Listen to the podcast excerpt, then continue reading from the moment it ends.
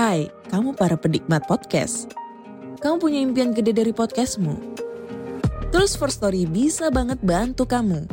Mulai dari F-Link, Dynamic Audio Insertion, sampai statistik yang komprehensif. Semua ada di First Story. Gak ketinggalan kamu bisa monetisasi podcastmu lewat iklan dari First Story Ads yang bisa kasih kamu penghasilan dari setiap place podcastmu. Yuk gabung sekarang dengan klik di firststory.me. Sekali lagi, klik di firststory.me. Mari kita bawa mimpi podcastingmu menjadi kenyataan.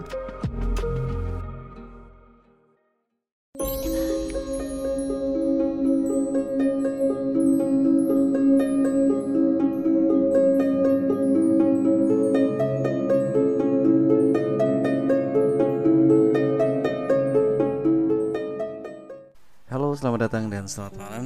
Ini Denny, narator Rumah Horor Indonesia. Halo, sobat Rumah Horor Indonesia. Apa kabar? Semoga kalian semua baik-baik aja. Di malam hari ini saya akan membacakan sebuah cerita dengan judul Suster. Begini cerita lengkapnya. Namaku Teddy. Kejadian ini dialami oleh ibuku sendiri ketika sedang membesuk salah satu familinya yang sedang dirawat di sebuah rumah sakit. Kejadian ini sebenarnya sudah lama. Tapi kemarin-kemarin ibuku bercerita kembali ketika sedang berbincang ringan dengan keluarga. Jadi gini, malam itu ibuku bersama keponakannya sudah janjian untuk menengok familinya yang sedang dirawat. Saat itu waktu menunjukkan pukul 8 malam, di mana jam besuk biasanya memang sudah selesai. Namun atas izin satpam yang tengah menjaga, mereka berdua diizinkan untuk naik. Di salah satu sayap gedung terdapat lift. Ibuku dan keponakannya yang bernama Jerry segera menuju lift untuk naik ke lantai tempat familinya dirawat. Sambil menunggu lift turun, mereka berdua bercakap-cakap seperti biasa. Tiba-tiba dari salah satu sudut ruangan yang tak jauh dari lift muncul seorang suster. Sebagaimana penampilan seorang suster pada umumnya, dia mengenakan baju putih-putih dengan peci khas perawat rumah sakit. Sang suster bergegas menuju lift tempat ibu dan Jerry berdiri. Sepertinya memang akan menuju ke lantai atas juga. Sang suster kini berdiri tak jauh dari ibu dan Jerry. Melihat suster itu, ibu pun tersenyum dan mengangguk. Dan dibalas dengan anggukan dan juga senyuman ramah dari suster tersebut. Akan tetapi, ibuku sedikit heran Suster tersebut sepertinya sedang kurang sehat. Wajahnya sangat pucat. Namun ibu tak terlalu peduli dengan semua hal itu dan melanjutkan pembicaraan dengan Jerry yang sambil menunggu lift yang turun. Ketika sedang berbincang, ibu melihat satpam yang sedang bertugas tadi memberikan tanda memanggil.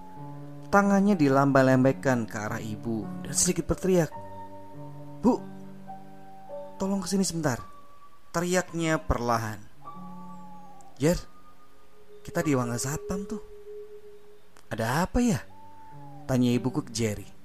Eh deh tante, kita ke sana. Sepertinya ada yang penting, ujar Jerry. Kemudian mereka berdua pun bergegas menuju Pak Satpam.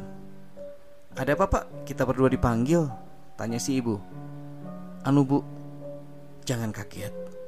Dan jangan melihat ke belakang ya. Jawab satpam itu membuat ibuku penasaran. Wah, emangnya ada apa pak? Tanya ibu lagi tanpa berani melihat ke belakang. Begitu juga dengan Jerry.